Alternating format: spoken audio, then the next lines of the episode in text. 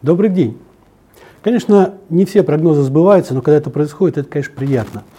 А, сегодня поговорим о двух компаниях, которые, запас... о которых говорили буквально совсем недавно, но новые события а, заставляют нас вернуться к а, их рассмотрению. Это, конечно, Лукойл и Сургутнефтегаз. После последней нашей, э, нашего разговора Совет директоров Сургутнефтегаза принял важное решение по дивидендам.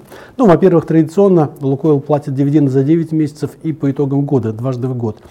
А теперь были, э, и было принято решение по итогам 9 месяцев этого года заплатить по 192 рубля а, за акцию. Теперь Совет директоров принял изменения в своей дивидендной политике. Он будет платить также дважды в год, но по итогам а, обоих, а, обоих полугодий. И при этом а, будет изменена база расчета дивидендов. И это очень важно. Если сейчас действует такая дивидендная политика, что компания платит не менее 25% от чистой прибыли, распределяет на акции, то теперь э, было принято решение направлять 100% свободного денежного потока, скорректированного на э, деньги, потраченные на выкуп акций с рынка. Поскольку, как вы помните, мы говорили, компания регулярно проводит байбеки и погашение своих акций. А что это дает э, с точки зрения доходности э, этих ценных бумаг? Вот я посчитал, если бы компания уже использовала эту дивидендную политику сейчас, то вот посмотрим, она за, получила за первые полугодие этого года чистой прибыли порядка 330 миллиардов рублей. Если бы действовала старая дивидендная политика, и она распределяла 25% чистой прибыли, то на каждую акцию пришлось бы порядка 115 рублей дивидендов. Если компания распределяет свободный денежный поток, то есть денежный поток за вычетом э, кап затрат и э, затрат, денег, затраченных на выкуп акций с рынка, то дивиденды составили бы 430 рублей приблизительно. То есть фактически речь идет о том, что дивидендная доходность может вы... до сих пор она была не очень невысокая, а так она может вырасти ну, в 2-3 раза совершенно точно. Что это значит? Это значит, что акции могут э, продолжить свой рост и э, их потенциал роста составляет еще впереди примерно от 30 до 50 процентов на текущий момент. И это, конечно, очень приятная новость. Понятно, что основными бенефициарами являются, так сказать, основные владельцы компании. Но если компания так заботится о доходах своих акционеров, то быть акционером такой компании, наверное, имеет смысл.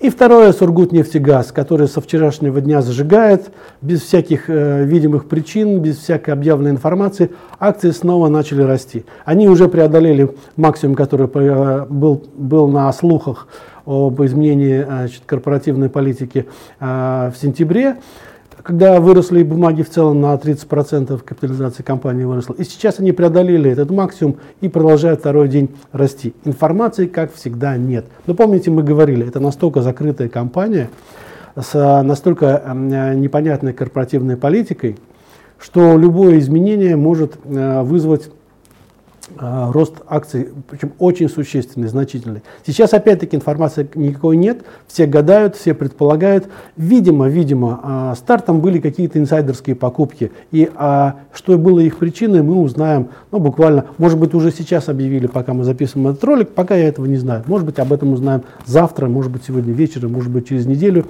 Но есть несколько предположений, несколько путей по, по которым, э, если компания пойдет, то это, конечно, вызовет взрывной рост акций. Значит, эти предположения обсуждаются э, очень давно.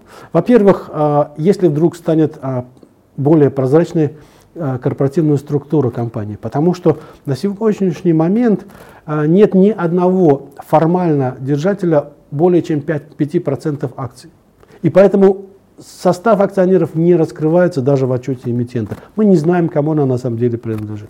Если значит, э, начнется процесс легализации, э, комплект, э, так сказать, формирования некого легального бенефициара, то это, конечно, будет большой плюс. Если компания начнет раскрывать свою операционную информацию и финансовую информацию более оперативно и, так сказать, более э, развернуто, то что большую часть информации просто мы получаем из каких-то либо предположений, либо из каких-то косвенных источников, то, значит, вот э, большая прозрачность тоже вызовет плюс. А главный признак этой компании, кроме вот этой ее закрытости, это то, что она накопила огромную денежную подушку, которая уже почти, почти в два раза до недавнего времени была больше, чем вся капитализация. И эта денежная подушка хранится на депозитах валютных так сказать, в российских банках. Учитывая, что доходность по валютных депозитов стремится к нулю, и, и уже пошли разговоры, нельзя ли уже ввести отрицательную доходность по, так сказать, по депозитам, по валютным вслед за, так сказать, за европейскими банками, то, конечно, надо с этими деньгами что-то делать. Эти деньги не учитываются фактически при расчете капитализации компании, при прогнозах ее стоимости, потому что неизвестна их судьба, будут ли они вообще, поскольку неизвестно, кто владеет компанией, неизвестно, сохранятся ли эти деньги для акционеров. Мы просто этого не знаем. Поэтому если компания хотя бы начнет перекладываться в какие-то другие активы, которые будут работать, приносить прибыль, иметь оценку, то уже одно это в состоянии переоценить компанию. Понятно, что все это только предположение, вот, и может быть пойдут опять опровержения, и может быть э, будет откат. Э, но вот на сегодня, поскольку э, акции преодолели тот уровень сопротивления, который э, был в сентябре, куда они выстреливали, мы говорим про обыкновенные акции, да, вот, то следующим ближайшим уровнем сопротивления является где-то э, в районе 50 рублей 50 копеек по обыкновенным акциям. Э, этот максимум был достигнут еще в 2006 году. До него осталось не так много, но это все-таки потенциал, э, который может вполне бумаги отработать. Понятно, что если они выйдут выше, то там уже точно пошли какие-то изменения, и там, как бы, рост вообще ничем не ограничен. Но, по крайней мере, вот до этой цели акции могут достичь.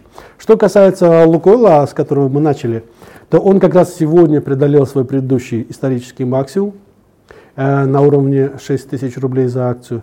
И впереди простор у него совершенно открыт. Э, я вижу, что как минимум он может дойти где-то до 6,5, а может быть и до 6 тысяч рублей э, за штуку. Э, чтобы хотя бы просто отработать тот потенциал а, дивидендной доходности, который закладывается изменениями дивидендной политики. Вот, собственно, все, что я хотел сегодня рассказать. Большое спасибо за внимание. До свидания.